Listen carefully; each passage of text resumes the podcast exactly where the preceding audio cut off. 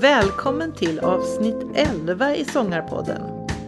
Det här avsnittet spelades in i maj 2019. Nu ska vi prata musikal med en av våra främsta musikalartister. Hon har gjort succé både i Sverige, Tyskland och i England.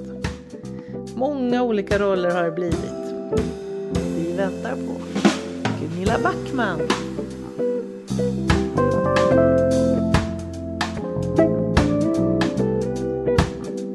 Välkommen till Sångarpodden. Tack så mycket. Gunilla Backman. Ja, hej. Vad roligt. Roligt Jättekul.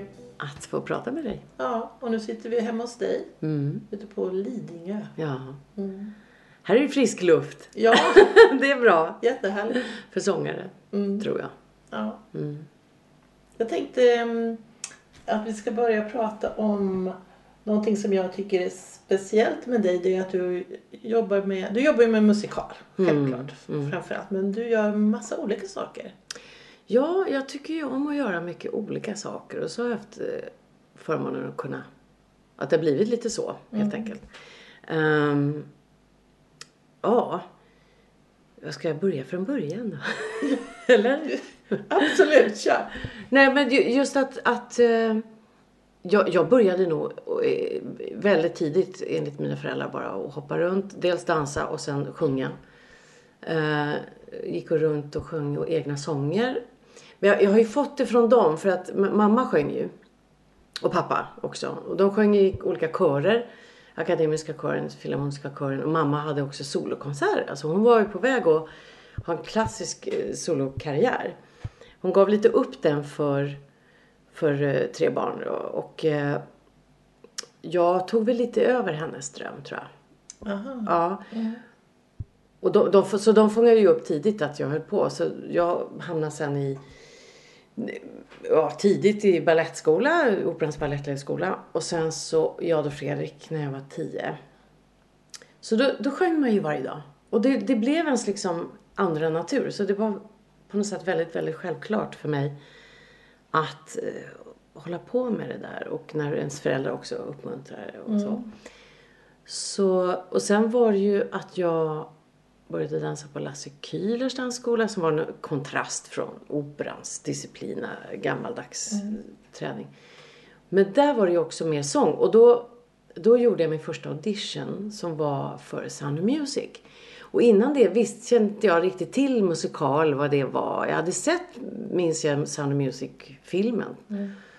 Eh, och eh, Julie Andrews, liksom. Vilken, wow! Vilken fantastisk naturröst, liksom. Eh, var ju en inspiration. Och sen, men sen var det ju det att så fick jag det här jobbet eh, som äldsta dottern där, Lisel Och hur gammal var du då? 16. Så att, eh, och mina småsyskon där i det gänget var ju Peter Jöback och Pernilla Wahlgren och andra som Vad jobbar roligt. på andra Ja. ställen i branschen. Ja. Så det, det... Oj, vad biten man blev. För det, det var ju... Alltså det var en sån här upplevelse för mig att... Va? Får jag sjunga, dansa och spela teater? Det var grejen. Alltså. Det var ju så otroligt roligt.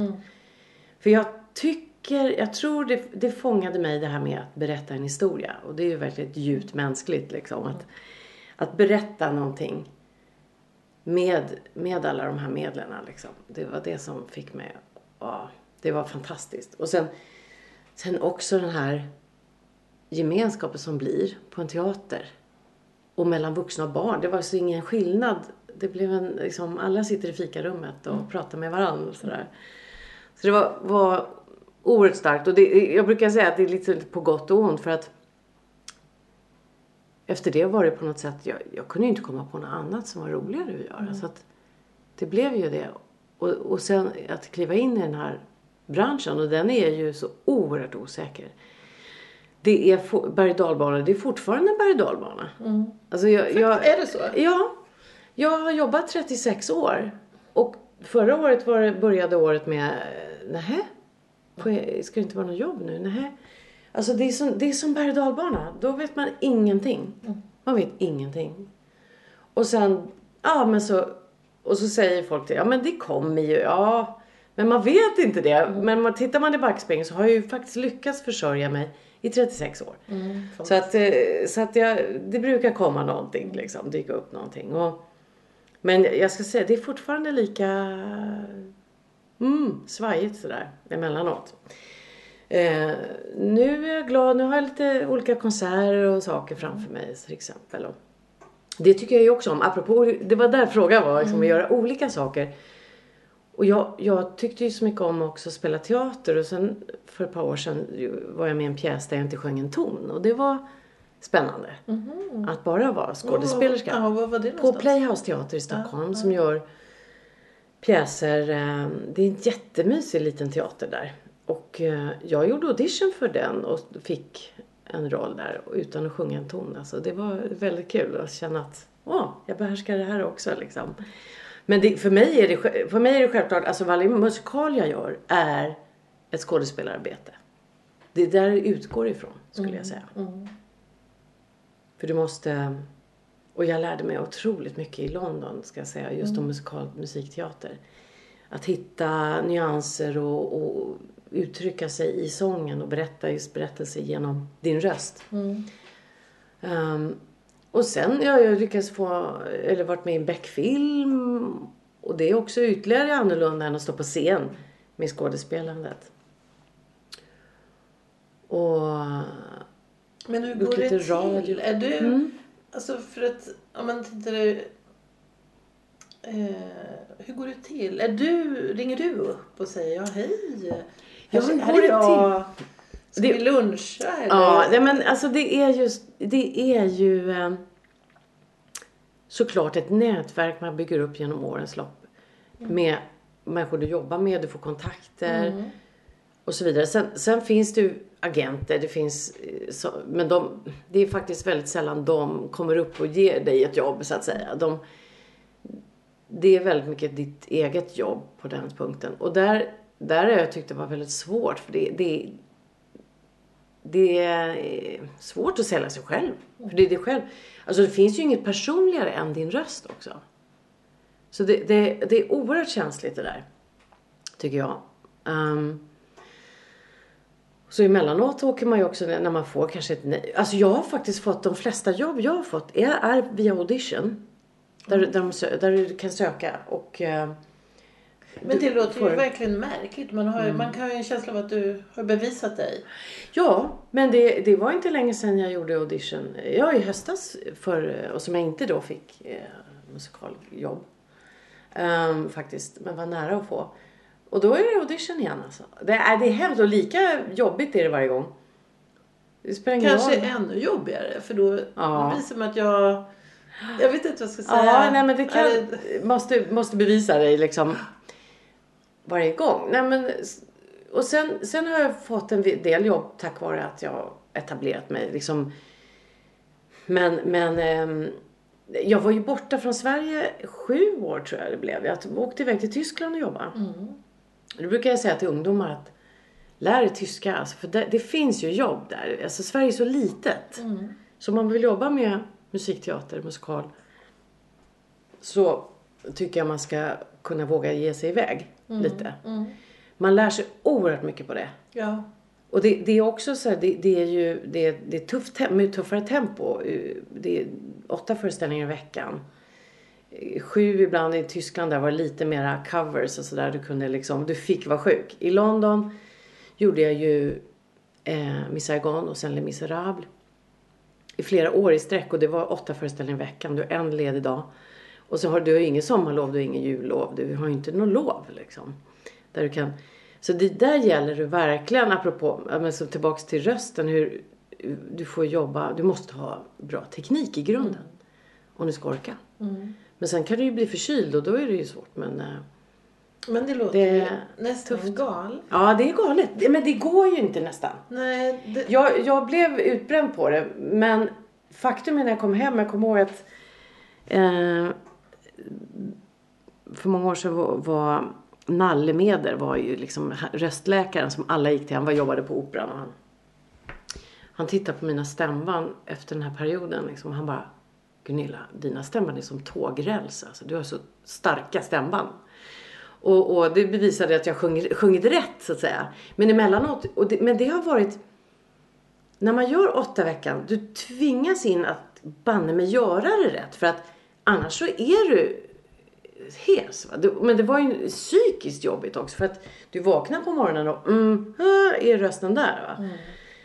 Mm. Eh, och sen när du ibland är på väg kanske, alltså blir du trött och tappar du stödet och allt det här. Liksom. Så att du tvingas in att ta lektioner, eh, hålla, göra uppvärmning, liksom att hålla, hålla den i bra form. Så, sömn är ju A och O liksom. För, mm.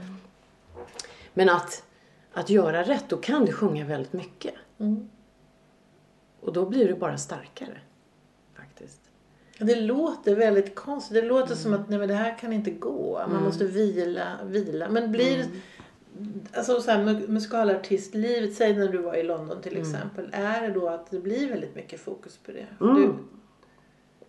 Ja, nu dricker jag kaffe. Ja. Uh, jo, oh ja. Alltså det, det, du, du jobbar ju bara.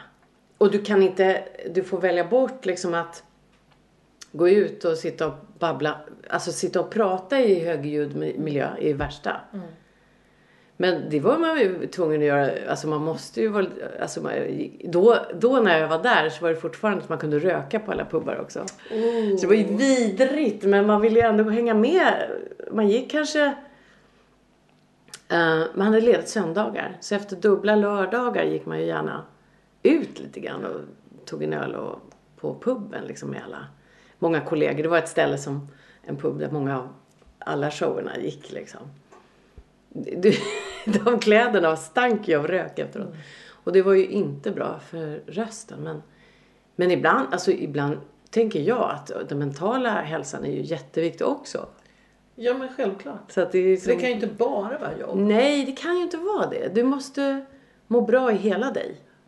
Och det, det, det var ju det var oerhört tufft. För att jag, jag blev också illa berörd på arbetsgivaren som inte hade någon förståelse för om du var riktigt sjuk och jag, då, då var jag så sjuk jag kom, kom inte ur sängen om jag ringde mig sjuk. Då kunde de ju ringa upp och säga How sick are you really? Så här, kan du komma in ändå?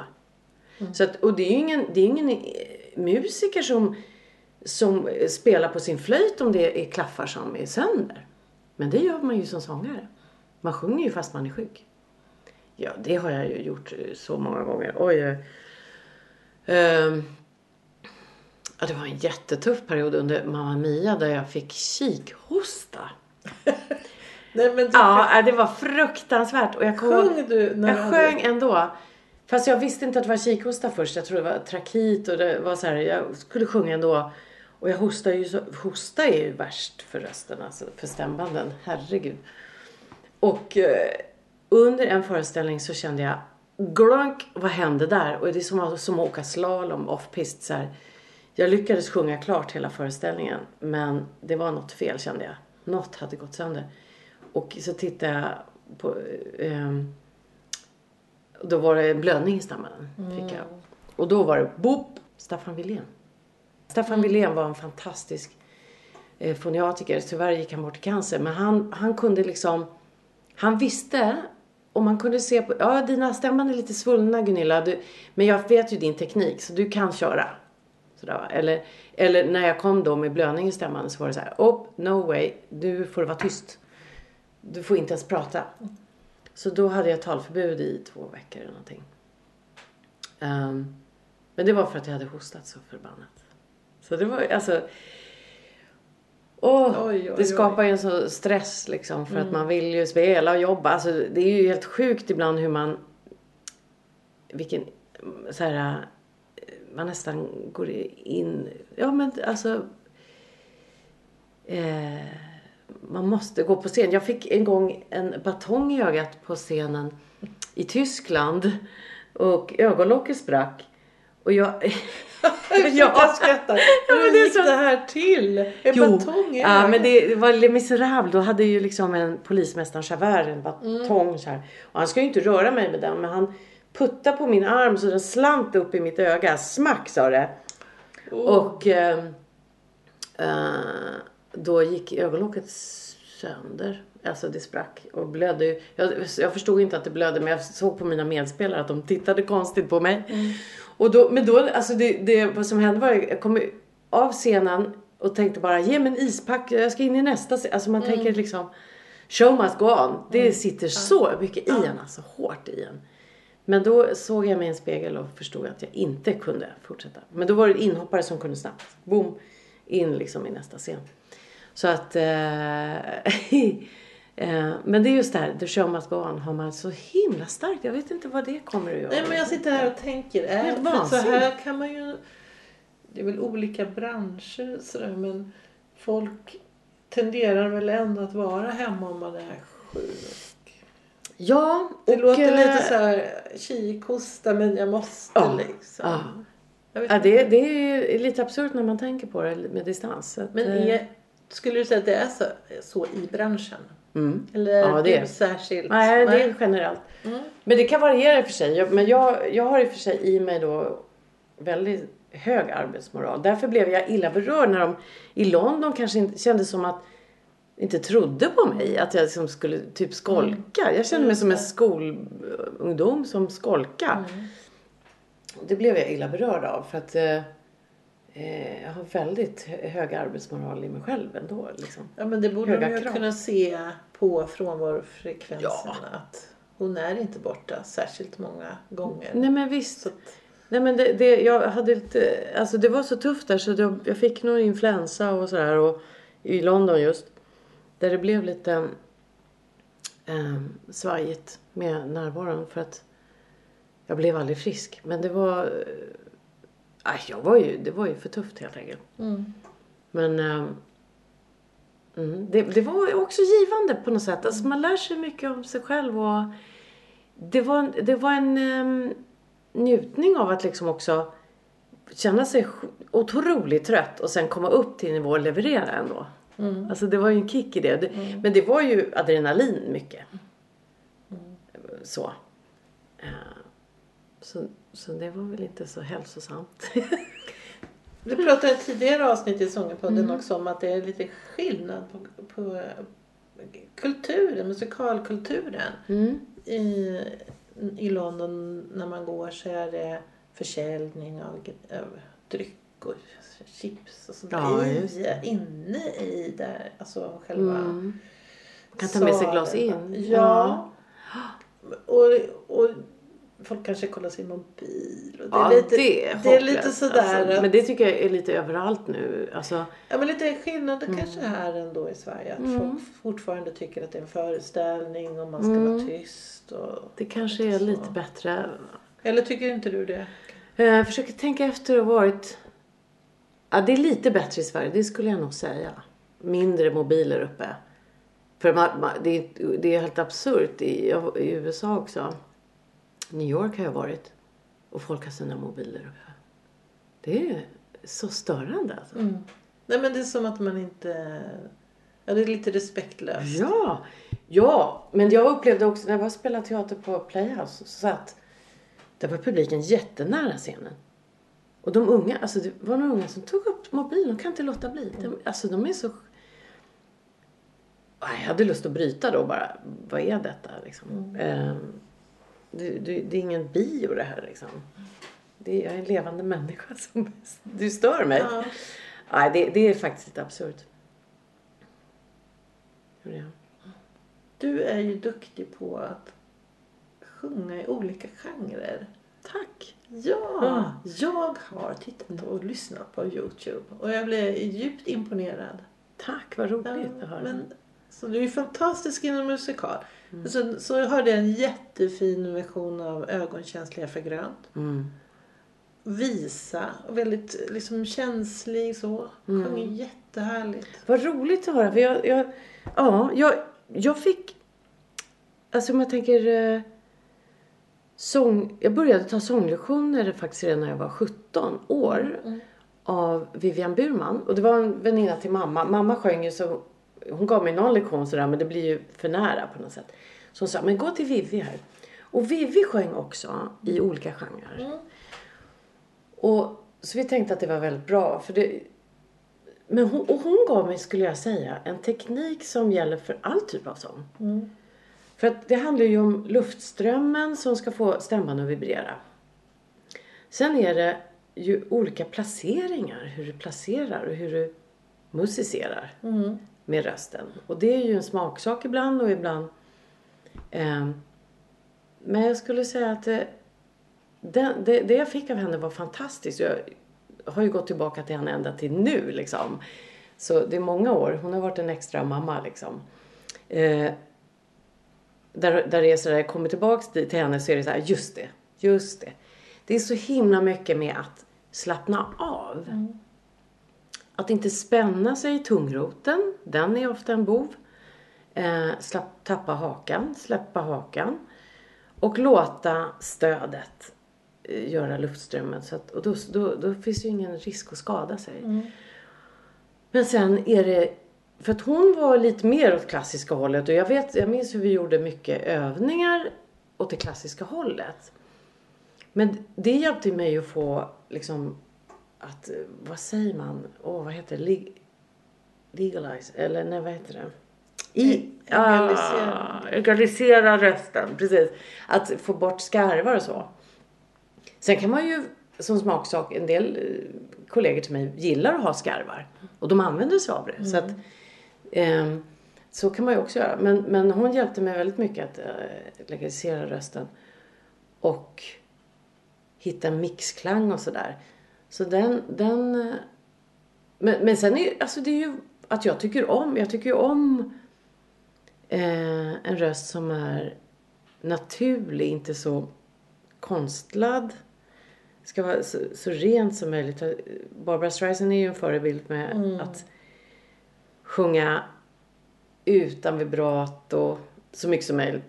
Det finns ju där och man märker ju nu när man är äldre att eh, det smyger sig på att det är ett långsammare vibrato som man inte vill ha. Jag vill inte ha det. Men, men eh, och det, det är ju spänstighet i, liksom, i, instrumentet som man säger.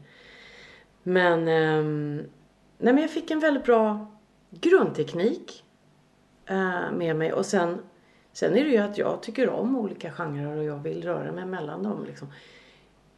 Och sjungit en del pop också.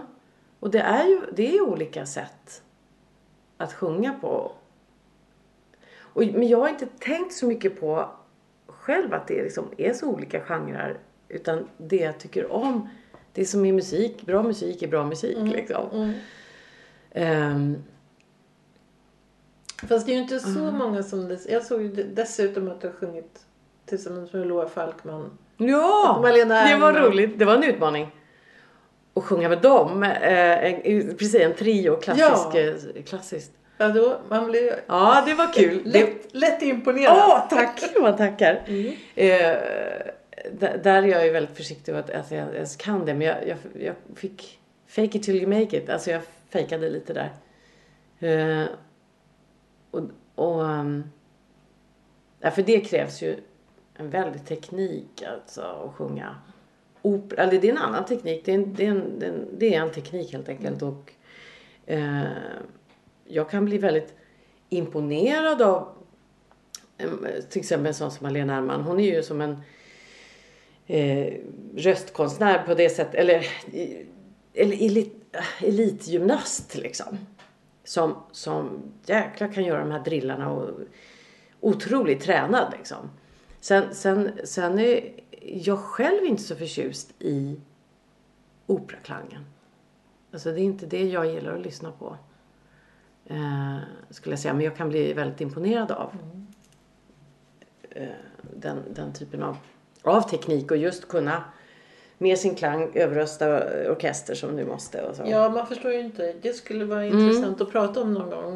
Eh, med någon som kan förklara alltså hur man tränar upp. Mm. Hur kan den... För alla börjar ju... Man föds ju inte sån utan man tränar ju upp Ja. till att bli och nå ut så Ja. långt och bli så stor. Precis, och du måste ju, men du, det, du måste ju använda alla eh, din kropp som en resonanslåda. Va?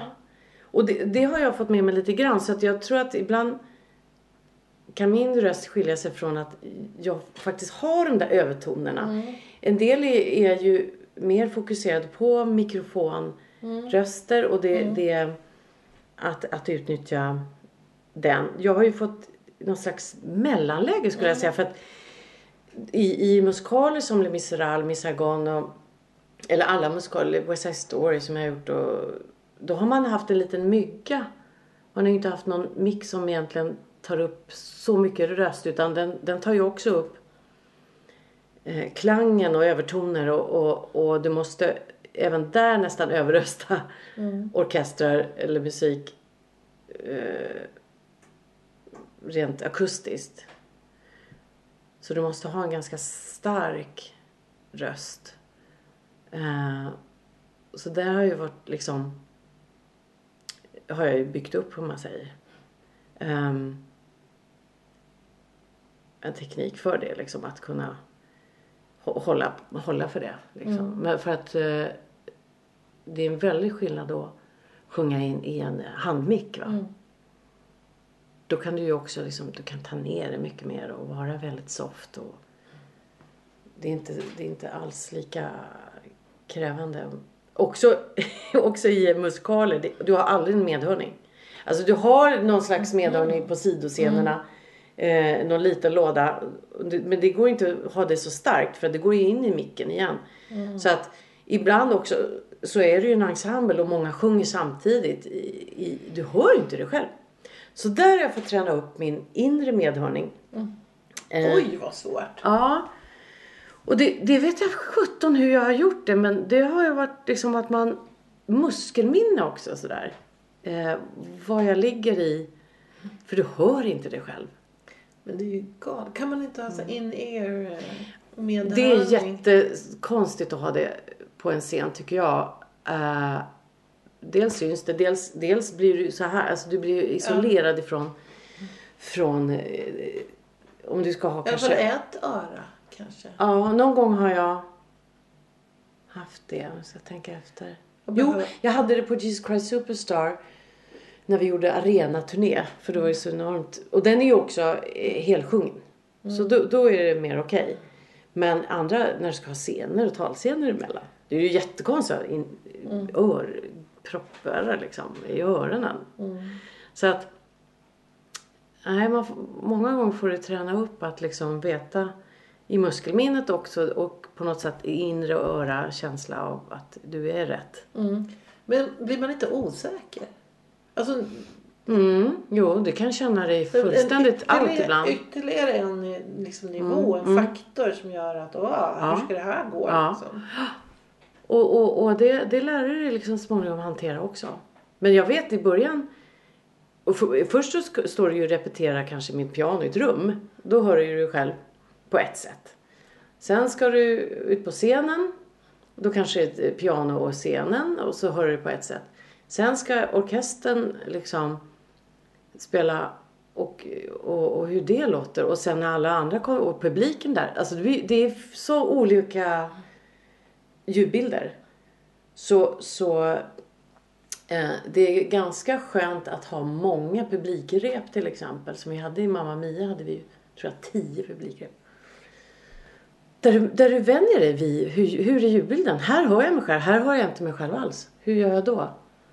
Um, och repetera alltså, och få in det i muskelminne och så vidare. Och, kunna, och ibland kanske till och med så här, oh, kunna få upp en, en, en, eh, ett finger på örat så att du hör dig själv inne. Men du måste...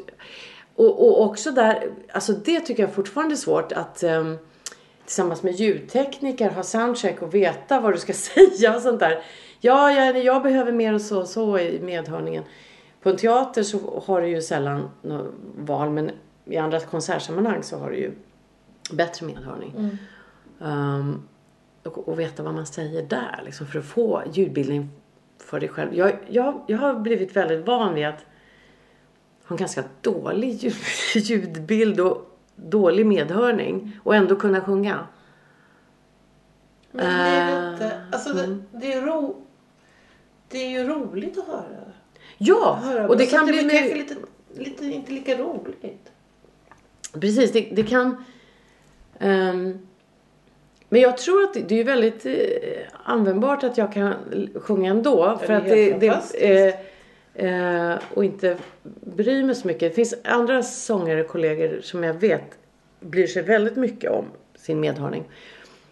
Och de kanske har blivit väldigt duktiga också på att förmedla till ljudtekniker och så vidare vad de, vad de vill ha och höra och, och just in-ear kan ju tydligen vara, jag har ju in-ear också och det Alltså jag har upplevt, alltså jag tycker det jag, jag är mer, det är en vanlig sak sådär. Där kan du få väldigt bra medhörning.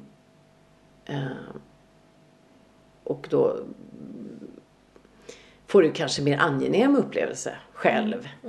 Men det, det får ju inte vara avhängt att du sjunger bra eller dåligt av det. Eller är bra eller dåligt på scenen. För allt kan hända också på vägen liksom. Det har ju också plötsligt blivit utan medhörning i hals. och Liksom. Ja, så att det, det, det är nog en ja, träningsgrej, en vanesak. Vad intressant. Mm. Jag, tänk, det tror jag inte man... Jag har aldrig tänkt på... Mm. Jag tänker att det är som när man står på scen och spelar som normalt så att säga. Mm. Var vanligt läge. Mm. Men då är det på ett helt annat sätt. Mm. Och det är klart att det är det där med tal och så, så är det sång och så Ja. tal och sång. Precis. Eh, och jag vet att eh, Les Misérables var ju genomsjungen men där var det också en, en idé om att ljudbilden skulle vara som att den kändes att den kommer från scenen. Så den var väldigt låg. Ehm, och medhörningen också låg. Så att alltså du får ju, ibland kändes det som, ja jag vet inte. Och ibland också att vi, världens kraft på scenen, alla sjunger samtidigt. Och så säger publiken, åh vad dåligt ljud. Alltså man blir så, blir man helt, åh. Åh, vad tråkigt. Man, ibland är man i händerna på ljudteknik alltså. Också. Ja. Så du kan inte påverka det. Och sen också det här med kompressor när man, man vill ha dynamik och kunna sjunga starkt och svagt. Men det är, ibland går det att kompressor på där du sjunger starkt så att allting blir jämntjockt. Ja. Och såna där grejer. Jag, jag, jag tänker ibland att jag ska gå en ljudkurs som ljudtekniker för att kunna just lära mig hur jag ska förklara hur jag vill ha det. Jag, jag, har en, jag blir imponerad av vissa kollegor som är duktiga på det liksom, och vet exakt sådär. Nej, mer diskant, mer da, da, da, mer sånt dB och ba, ba, ba. Jaha. jag vill Ska bara... man kunna det också? Det är mycket man ska kunna. Ja, jag tänker på det ibland. Helt absurt som artist vad du ska kunna. Du ska kunna vara din egen PR-agent. Du ska vara, kunna vara eh, revisor. Nej, men du vet, du ska kunna entreprenör, bla bla bla. Säljare. Du ska kunna allt det där. Så det, men ibland får man ju faktiskt ge sig och vara så här. Ja, men jag är bra på det här. Så är jag inte så bra på det där. Det får räcka. Ja, får räcka. Ja. Barbara Streisand. ja, hon är bra på allt. hon eh, är ju eh, sanslös drivkraft alltså. Apropå, alltså oj oj oj. Men hon, hon har varit, jag, menar, jag har läst på mycket om henne. Och sett, henne live också en gång för några år sedan i, i London. 72 år var hon då. Och sjöng, för, sjöng fortfarande jättebra. Framförallt just det här utan det här vibratot. Men hon hade lite krackig, liksom, det lät lite hesare sådär. Men, men, men eh, inte det där oh, oh, oh, oh, vibratot. Utan On a clear day. Alltså det är så snyggt hur hon sjunger. Vilken jädra teknik hon har. Men grejen hon gillar inte att sjunga själv. Är det sant? Ja, har hon sagt i någon intervju. Ehm, Men det är nog, det blir... Jag älskar ju mitt jobb men jag kan ju också bli sådär att, va, sjunga? Måste jag sjunga? Nej. Alltså du vet, eller lyssna på musik ens.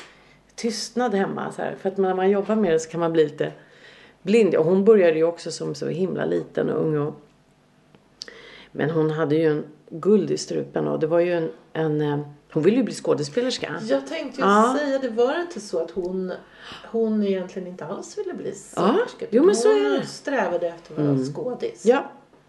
Och så var det ju en, eh, en kompis till henne som bara eh, hörde hur hon sjöng och bara, vad är detta? Alltså nu måste du...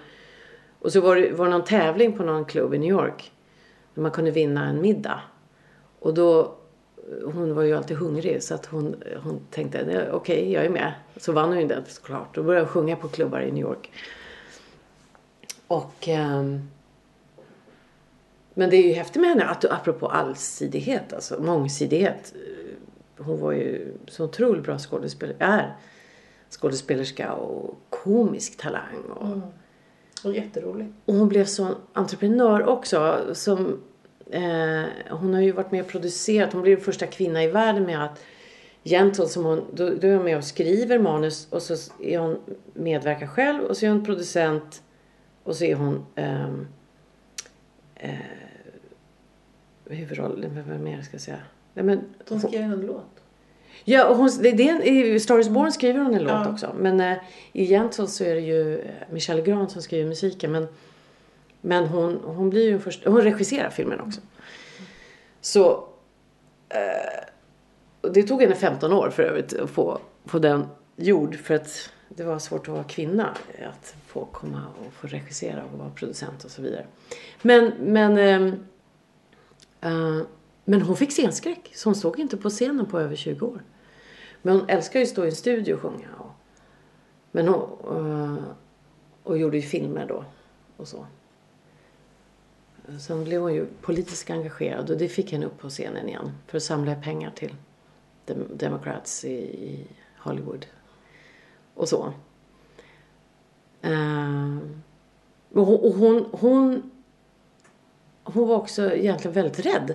Men gick emot sin rädsla. Så det, det är ju min inspiration med henne mycket. Mm. Att våga fast man är rädd.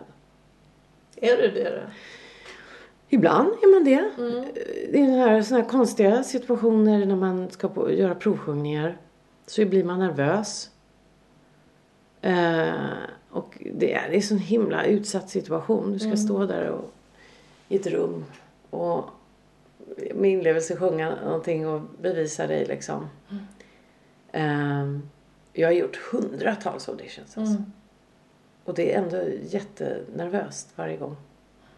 Så det... det uh, När har man bevisat sig färdigt? Uh, det har man ju aldrig. Mm. Jag tror aldrig, alltså det, det finns ju ingen konstnär som säger jag är färdig nu. nu har jag bevisat mig färdigt. Nej, men andra kanske kan tycka det. Ja. Och det gäller, det är en konst att ta emot också komplimanger. Jag tänkte ju en gång när Benny Andersson kom fram till mig och sa så här. Just när det gäller Winnie Takes It All. Det är inte så många som kan sjunga den och du kan det, sa han till mig. Uh, Okej, okay, nu kan jag dö. du, du, alltså det var sån där, check. Nu, nu, um, nu, är jag, klar. Jag, nu är jag klar. Tack så mycket. Så är man inte klar. Men, men ändå, det, det var en fantastisk eh, grej. Med någon som du respekterar så mycket musikaliskt som man får beröm av. Liksom. Mm. Så då... Vilken härlig känsla. Mm. Mm. Och, det, och det är en konst, jag vet jag har kollegor som springer förbi det där också, njuta av stunden också. För att man är så fokuserad på karriär eller någonting långt fram. Så det, det, är också en konst att kunna stanna upp och bara njuta. Men jag, jag får ju många stunder där jag står och, alltså jag älskar ju att stå och göra konserter med och jag har fått glädjen att stå i, i symfoniorkestrar liksom. Det är ju fantastiskt. Mm, det måste vara grymt. Och så, det är så grymt va, för om man tittar sig omkring, ser sig omkring och lyssnar. Varenda instrument som spelar så ligger det så många timmar bakom. Alltså alla är ju virtuoser på deras mm. instrument. Va?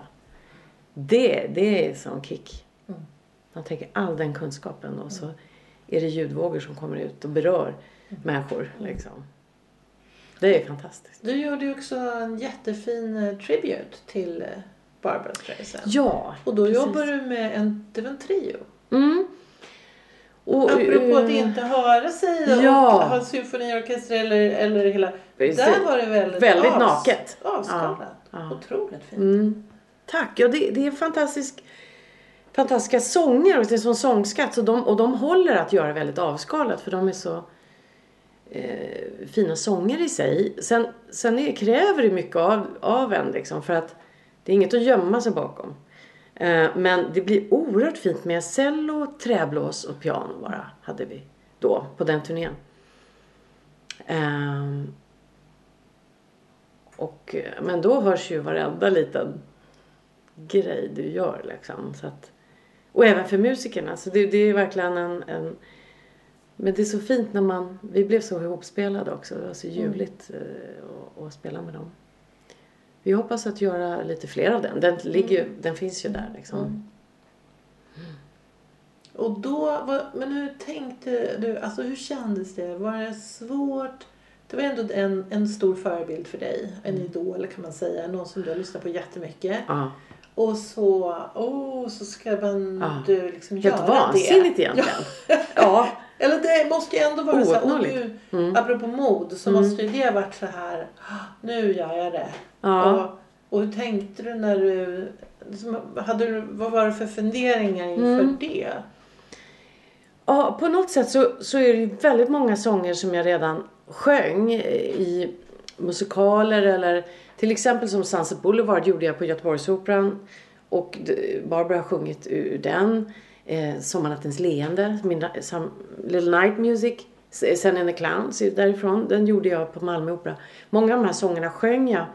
Så jag, jag hade fått dem liksom på, från ett annat håll också. Där, där inte bara att åh, det är hon som sjunger utan så jag, jag tänkte ju bara att jag sjunger dem på mitt sätt. Och många lät jag översätta till svenska också. I, i Erik Fägerborn översatte många av sångerna som inte fanns på svenska. Så blev Barbara på svenska. Och, och ehm, eller det är inte Barbara sånger. Det här är ju en sångskatt som, som eh, Stephen Sondheim, Lord Webber, uh, Jules Stein, alltså fantastiska musikalkompositörer. Mycket är ju musikal. Det är ju för att hon är ju en berättare också. Hon är ju extremt bra på det alltså. Mm. Det är det hon är så jäkla bra på. Inte bara en röst. Mm. För det är ju tråkigt. Och när man hör henne så är det ju bara, oh, det är liksom ett berättande. För du dras in i hennes sång. Så det är en inspiration. Men jag, jag, tänkte verkligen så här, nej men de här sångerna älskar jag ju. Så jag ska bara tänka att framföra dem på mitt sätt. Och sen kom jag på att, ja men jag kan ju berätta lite om hur, hur, hur hennes liv var. Mm. På så sätt hylla henne, just vad, vad hon är för inspiration för mig. Sådär. Så att jag... Hon har själv sagt i en konsert där hon ska sjunga eh, Over the Rainbow. Har du sett den? I, det finns en konsert som heter One Voice. Där hon ska sjunga en sång. Alltså, de fick väldigt fin kontakt. De var, hon var med när hon var väldigt ung, Barbara, i Judy Garlands eh, tv-show. Och de fick en väldigt fin kontakt. Och så ska hon hylla Judy Garland.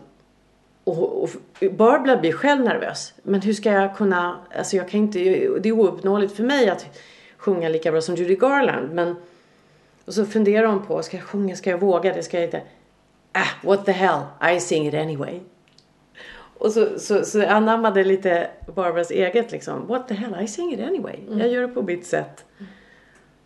Så jag, för det är inte det att jag försöker vara henne utan det är bara sådär att en bra ursäkt att få sjunga mm. de sångerna mm. som, jag, som jag älskar. Liksom. Det är sån sångskatt som är, de blir ju inte gamla de låtarna.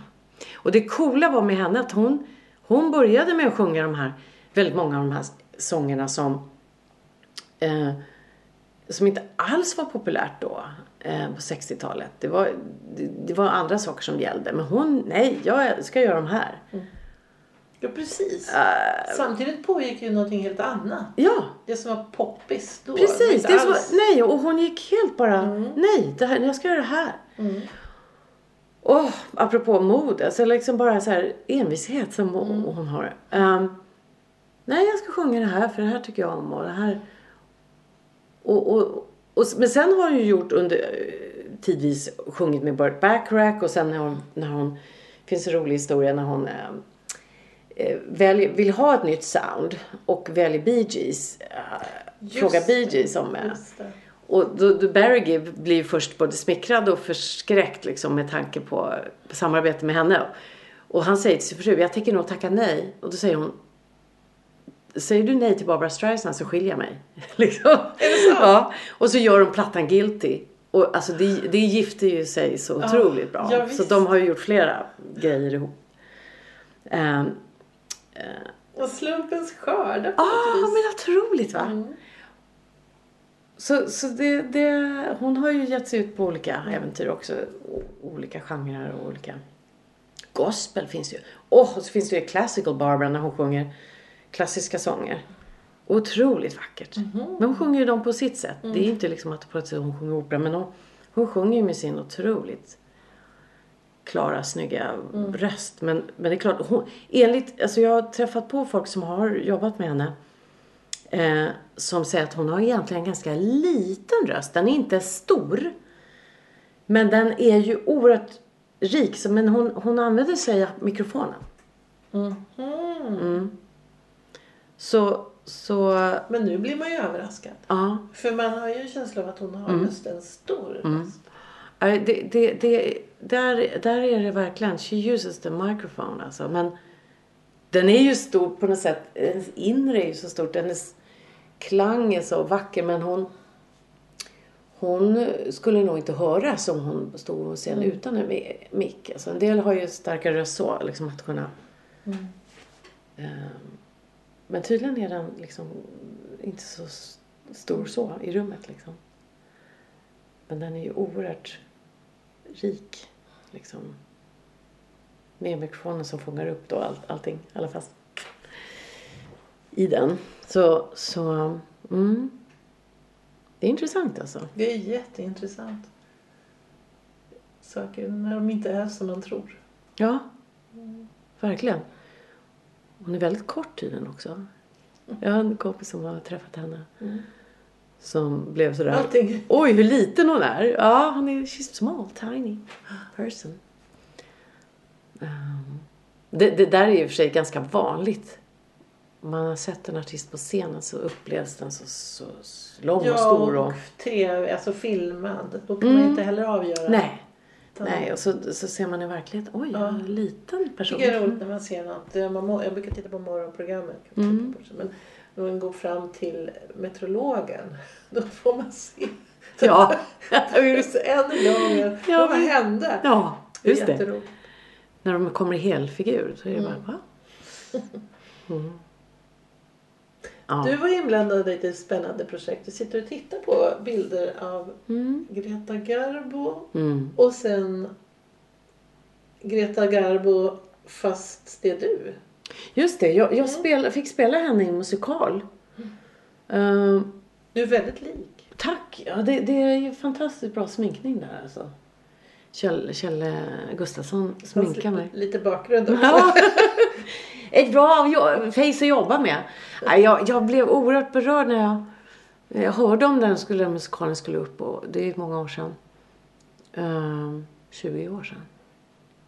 Uh, och uh, apropå mod, alltså hon var ju bara 24 och gav sig iväg till Hollywood. Hon hade en jäkla vacker röst. Eh, hon klarade ju från stumfilm till talfilm.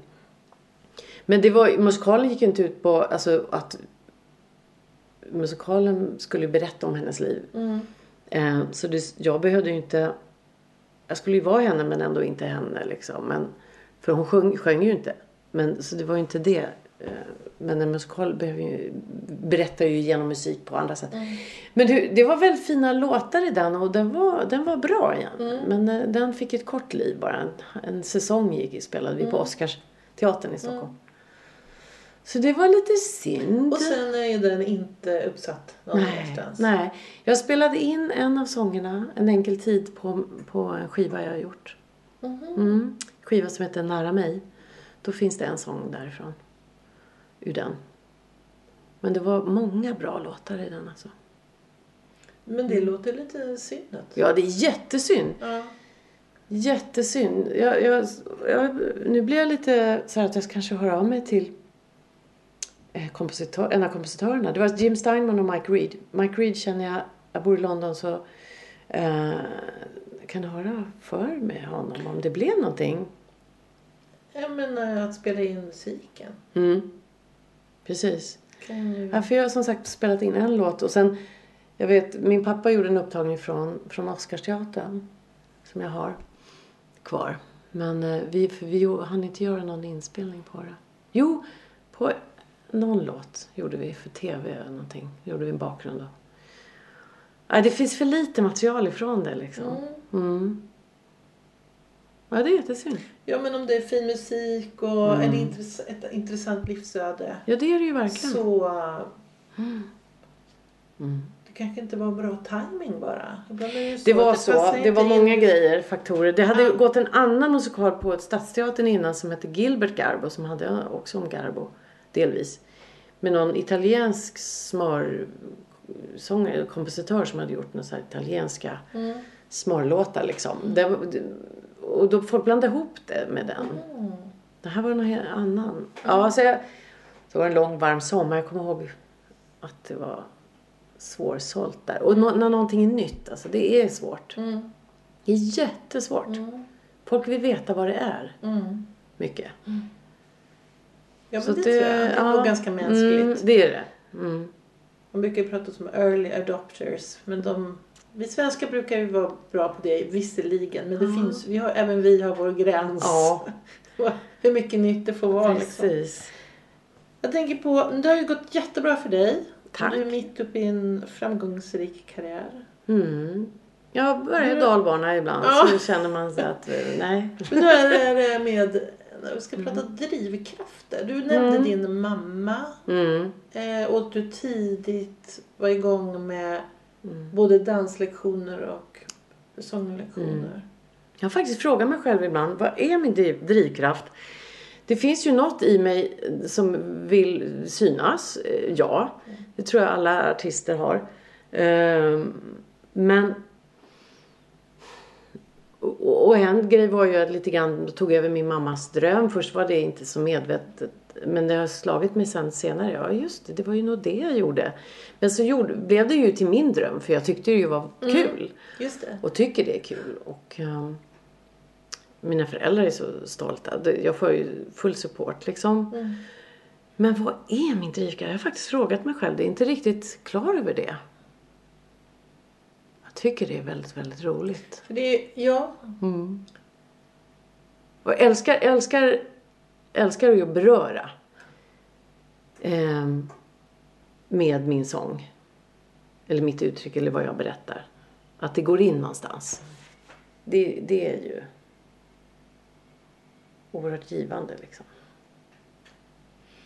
jag tänker att en del... eh, Det är spännande med drivkrafter. För Mm. de, det kan ju betyda mer än vad man tänker sig. Mm. Man har sin talang eller sin förmåga. Mm. Men saknas drivkraft så blir det ändå ingenting av det. Eller har man väldigt mycket drivkraft att, att nå, uppnå någonting. Mm. Men kanske inte alls lika bra förmåga eller vad man ska säga. Så, blir det, så kanske man lyckas i alla fall. Och en bra kombo blir oslagbar. Mm. Som i det här fallet då.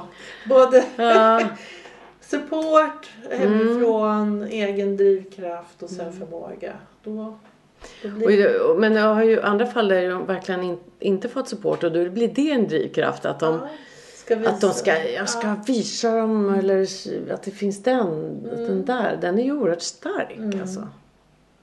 Ibland tänker jag att jag är lite, det finns en bekväm sida i mig också som, nej, det, du vet så här. Men, ehm, och jag har bråkat med mig själv ibland så här, men inte ska väl jag. Ungefär som att jag tar någon annans plats om jag tar plats. Mm. Det är lite svenska jante-grejen. Ehm, faktiskt. Och ibland jag, alltså om jag träffar elever på någon skola sådär och det finns, om de är tveksamma på att hålla på med det här så ska man nog inte ge sig in i det. Nej. För du får inte tveka. Det kan du ju göra emellanåt. Men du får ju liksom... Jag tror, jag, jag blev ju så biten så tidigt. Även när jag... Redan när jag gick i opera baletterskolan så fick vi ju stå på scenen på operan och vara med i Svansjön liksom. Som sjuåring bara med en peruk och... Åh, uppleva det där. Wow. Och hur vackert det var och liksom storslaget. Så att jag blev biten så himla tidigt så på något sätt var det bara så här. Jaha, det är det här. Det. Och jag kunde inte, jag har tänkt även nu, bara något år sedan. vad finns det för annat jag kan hålla på med för att just säkra upp, kanske liksom bara känna mig lite mer trygg. Men jag kommer ju inte på någonting. Men jag, jag, jag tänker ju att jag ska kanske börja undervisa för att kanske kunna ge vidare någonting av allt det jag samlat på mig. Eh, och jag måste bara hitta mitt sätt. För att där tänker jag också att det finns ju andra som är så mycket bättre på pedagogik eller kunna förmedla vad man ska göra. För att jag, ibland vet jag inte ens själv vad jag gör. Jag kan ju, jag kan ju bara försöka förmedla det. Vad jag gör på en scen och vad det är som gör att eh, det kan bli bra. Men ja, nej, men jag funderar på att jag kanske kan börja undervisa lite. Faktiskt. Men återigen till det då, är det lustfyllt? Ja, det kan nog, det kan nog, jag tänker att jag, jag har börjat lite grann och det kan nog vara väldigt lustfyllt med att man kan ge någon någonting som gör en utveckling såklart och se att kanske någon får en förbättring i så, eller, eller inspiration eller. Så det tror jag det kan nog vara lust, lustfyllt. Mm. Ja, det är klart att man har, som utövande musikalartist så har ju du hela. Du har ju erfarenhet av hela konceptet, Ja, inte ja. bara sången. Nej. Alltså har du ju jättemycket Ja, det har jag kanske. Jag måste, Ja. jag, och det är så, eh, jag får bråka med mig själv där lite grann. För att jag tänker lite fel med att nej, det finns andra som är bättre att förklara kanske sådär. Nej, men du kan ju förklara det du, försöka det, förklara det du kan. För att som sagt, jag har ju väldigt många års erfarenhet nu. Helt plötsligt är man en gammal räv liksom. Och det är också lite kul. Jag tror det är lustfyllt att upptäcka att, men det är du, att, att upptäcka saker som jag, oj, det här kan jag ju faktiskt. För jag tänker inte på det medvetet liksom att oj, här har jag gjort så mycket grejer. Utan jag är ju fortfarande i att, åh, bara jag får fortsätta hålla på liksom.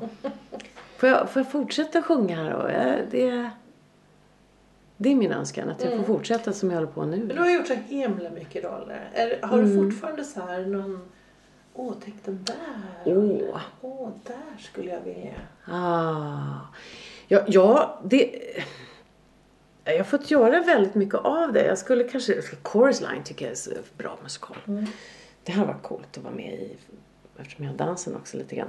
Men, men jag vet inte, nu, nu, nu är det svårare med roller för mig för min ålder. Tyvärr.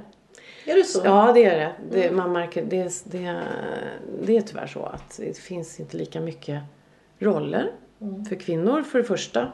Det är en väldig ojämlikhet där. Och sen också för äldre, äldre kvinnor. Så att ja, det skulle vara superhäftigt om någon var med i någonting nyskrivet. Jag tänkte säga, du får väl be dem Ja. att du skriver. Skriv något till mig snälla! Ja. Eh, det vore så coolt alltså. Att vara med i något nyskrivet och vara med och skapa det lite grann Ja. sådär. Just det. Mm, det För jag... det var ju någonting som Filip Hjalmelid sa i tidigare avsnitt. Att det var en fantastisk upplevelse. Ja, Nu, när Och göra någonting original, ja. ja. jättebra var den tycker jag. Men då, det kan ju, det har ju gått väldigt bra för dem så Mm. det kan väl komma fler, roligt. Mm. fler nyskrivna. Precis, det, det är ju, det, apropå nytt, för att det har ju varit Producenter är ju livrädda för att starta något nytt för att det just är så svårt. Mm. Men där slog ju igenom, den kom igenom och, och eh, att det säljer bra är oerhört kul. Mm. För då kan de våga sig på eh, nya Mm. saker. Så, så ja. Men du har varit djärv tidigare. Du, har kastat, du höll ju på med Cats ett tag. Ja, jag höll på med popmusik ett tag. Popmusik, ja. Och herregud, det, den branschen är ju ännu mer ett lot, det är en lotteri liksom. Och där handlar det ju inte om talang. Nej, Nej. eller det ska inte jag säga. Eller men i många fall. Alltså, det man har känslan att det är mycket mer. det är mycket mer. Det är tur, det är entreprenörskap, eh, ännu mer så liksom. Och, och ett lotteri skulle jag säga emellanåt. Det är ju så oerhörd eh, konkurrens och man vet inte vad som gäller. Mm. Så- Och du frågade om också tidigare, hur gör man? Det, det, det, det finns ju ingen liksom, så här gör du och så, så går det bra. Det, det, det handlar om att vara idog och ligga på och höra av sig till folk och connecta och nätverk och, och det är det även i popbranschen också men Ja, för jag var där ett tag. Alltså det är så kul på ett sätt. Alltså 80-talet, det här var 85. Vi gjorde en LP. Mm. Alltså vinylskiva har jag gjort. Det är, så gammal är jag. Och det är ju faktiskt det är väldigt roligt. Och, och, det var en rolig upplevelse att vara med om och, och testa på. Jag gjorde eh, efter det också, jag gjorde så tre maxisinglar i Italien med någon producent där. Då. Men då, hade jag, då var jag lite mer skinn på näsan för då var jag så här. Gunillas okända Italien-karriär. Ja, ja, gud. Eller oh, jag ska inte säga att jag, jag är okänd för mig. Ja. ja. Och herregud, det var, det var eh, italienskt bolag som hade just sån här Italo House pop. Mm. Eh, där, eh, vad heter de? Black Box. Right on time som var så poppis. Det bolaget släppte jag ett par singlar och en, en släpptes i Japan och, och sådär. Men då var jag lite grann, lite mer luttrad för jag var så här, det, det är sånt lotteri så jag gör det här mest på kul. Mm. Så tänkte jag. Och det var väldigt kul och sen, sen kom jag tillbaks. Jag minns att 89 där gick jag på audition för Les Misérables och det visste jag nästan inte vad det var. Alltså det var så mm. nytt med den här mm. genomkomponerade nästan som popopera som mm. det var. Den kom till Stockholm då. Så 1990 gjorde jag, eh, kom jag liksom tillbaks till musikalen. Mm. Då jag kände jag så här, åh vad skönt jag är lite tillbaks till min, min gata för att där, där är det ändå att det är audition och de tar bästa man för jobbet. Det tyckte jag var liksom lite skönt att komma tillbaka till det. Att man hade någon slags ledstång att hålla sig i att, att uh, om du är bra på det här så får du jobbet. Liksom, eller, men där, där, där kan det också vara att du är fel hårfärg eller du är fel typ. Mm. Du ska ju vara, det är många saker som ska stämma för att få jobben och så vidare. Men, men det här popbranschen, herregud alltså. Där är ju verkligen liksom... Och, och, och, men den är ju så annorlunda nu också. Så du, du kan ju släppa egna grejer på Spotify du kan, och på Youtube och så vidare. Um, så jag, jag, har ingen aning hur man går tillväga liksom nu. För, men jag, jag är fortfarande i tanken, jag är i tankarna på att jag vill spela in lite musik i studio igen och, och kanske nyskrivet. Eh, och lite mer åt pophållet. Det är sant? Ja. Go back to pop. Go back to pop music. Jag säger inte, jag, jag är ingen, ingen popsångerska. Men däremot alltså typ sånt som, alltså ABBA passade mig väldigt bra att sjunga. För jag tycker om den här lite raka, liksom tydliga. Eh, och då, ABBA kan låta enkelt men det är ju faktiskt ganska, de, tjejerna sjunger så förbannat bra. Så de hade ju sån range. Så det är ganska så, mm. kräver en, ett omfång mm. att sjunga de låtarna. Vilket är kul, för det är alltid kul att utmana sig.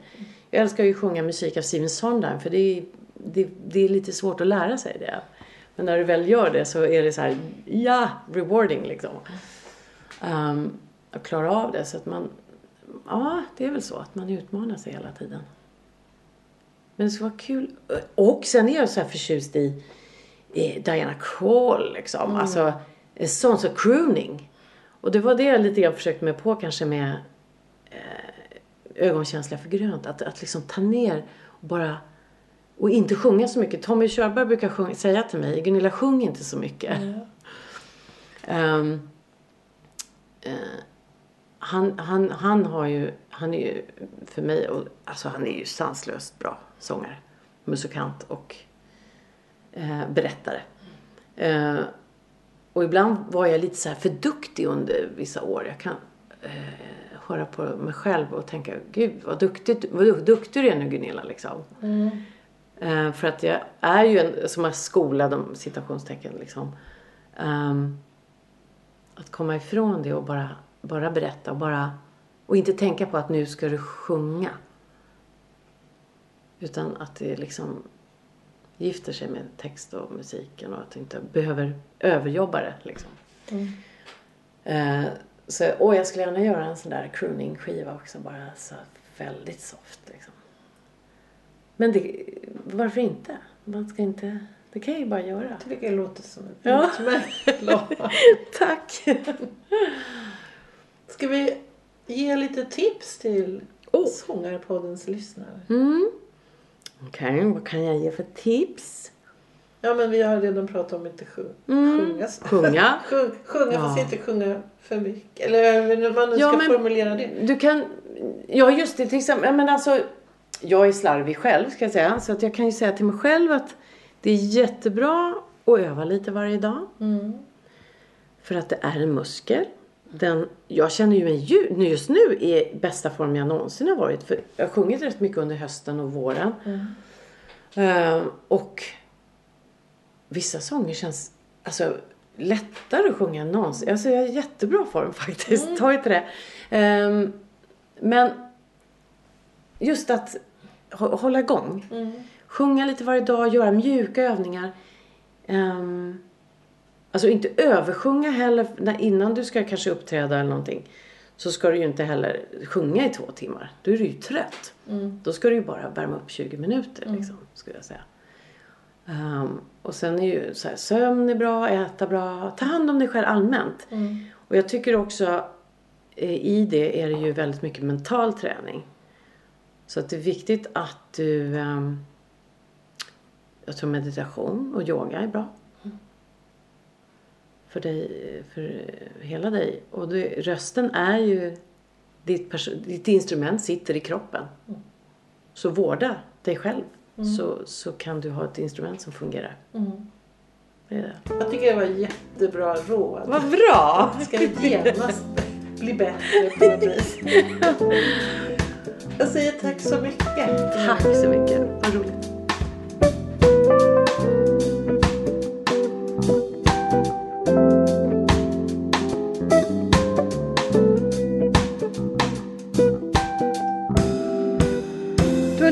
på Sångarpodden. Vill du ha mer information eller få länkar till artister med mera så gå då till vår egen webbplats www.sangarpodden.se. Vi hörs!